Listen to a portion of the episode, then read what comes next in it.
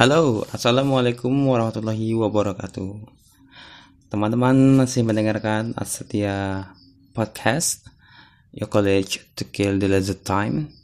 Dan pada kesempatan kali ini Kita sudah sampai pada intermezzo kedua Atau renungan kedua dari bukunya Gara-Gara Indonesia karya Bang Agung Pribadi. Dan Kali ini judul dari renungan atau intermezzonya adalah Dunia dan Kekayaan Alam. Jadi kekayaan alam Indonesia yang melimpah telah menjadi salah satu pendukung roda perputaran perubahan dan kemajuan dunia. Jika dulu rempah-rempah Indonesia mengubah peta dunia, kini sumber alam Indonesia masih berperan besar dalam produktivitas internasional. Bayangkan saja, jika tidak ada batu bara dan gas alam Indonesia, Korea Selatan, Jepang, Cina, dan berbagai negara industri di Asia tidak akan maksimal.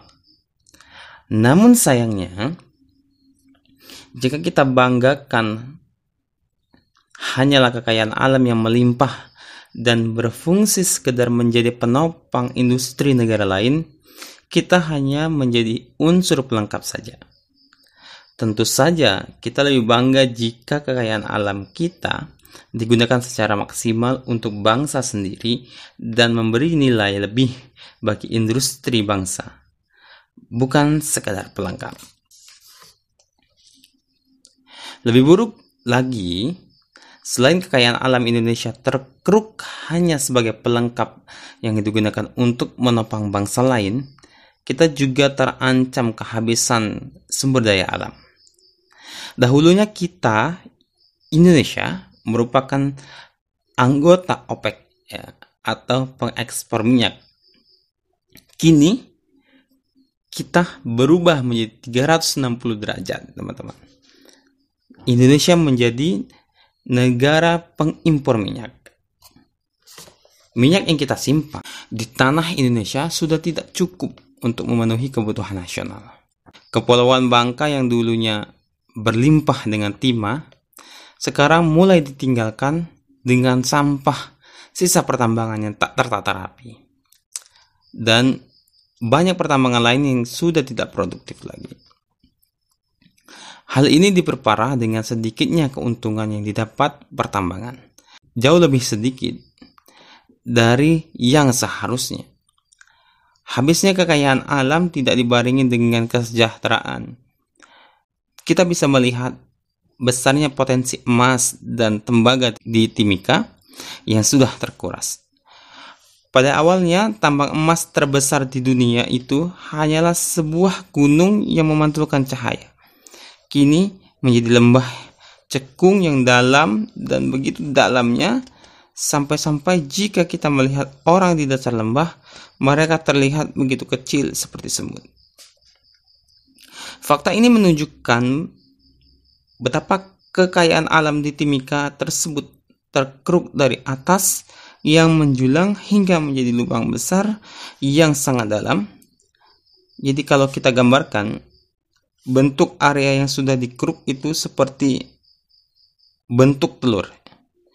Jika dulu ada kisah angsa bertelur emas, maka emas dan tembaga di Timika bentuknya ibarat telur yang ukurannya sebesar gunung. Sumber daya pertambangan dan energi berbasis fosil atau bahan tambang tidak bisa diperbaharui dan akan habis. Sayangnya, sekalipun sudah menghabiskan begitu besar kekayaan alam, kita belum menjadi bangsa sejahtera dari kekayaan alam tersebut. Nah, teman-teman, fakta sejarah sudah mengajarkan betapa sebuah bangsa akan hancur jika menyia-nyiakan sumber daya yang dimilikinya.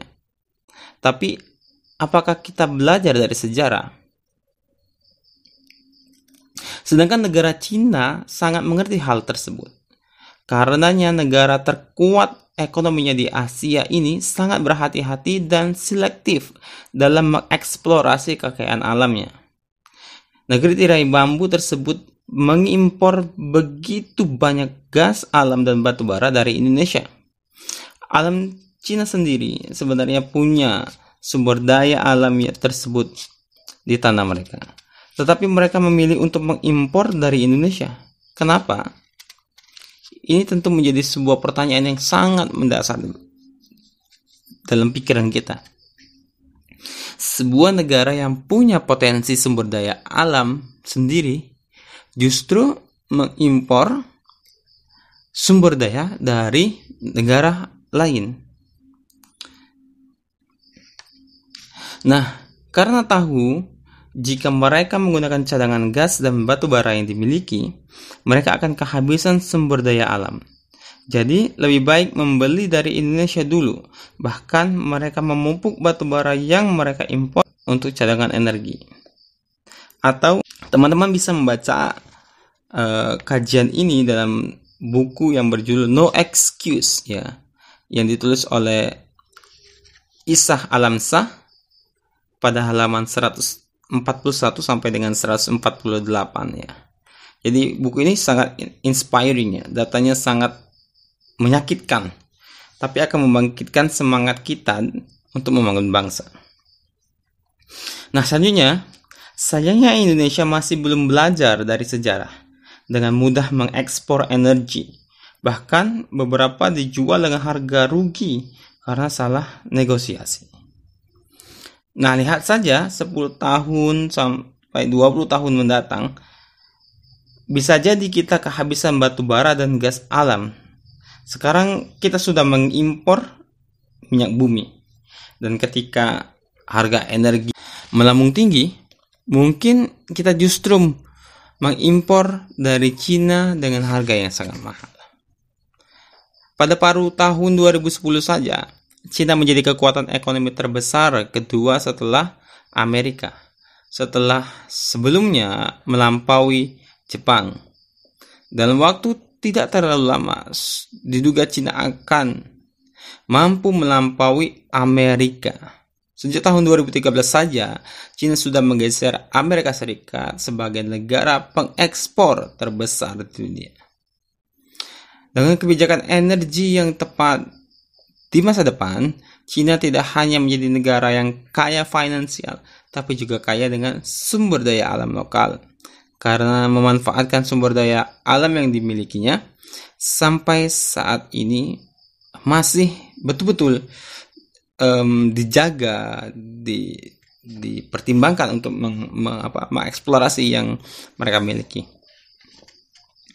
Nah, kebijakan ekonomi Cina saat ini juga sedang berbenah selain menerapkan kebijakan moneter konvensional dengan menyimpan devisa dolar Amerika, Cina juga membeli bertonton emas sebagai cadangan dengan visanya.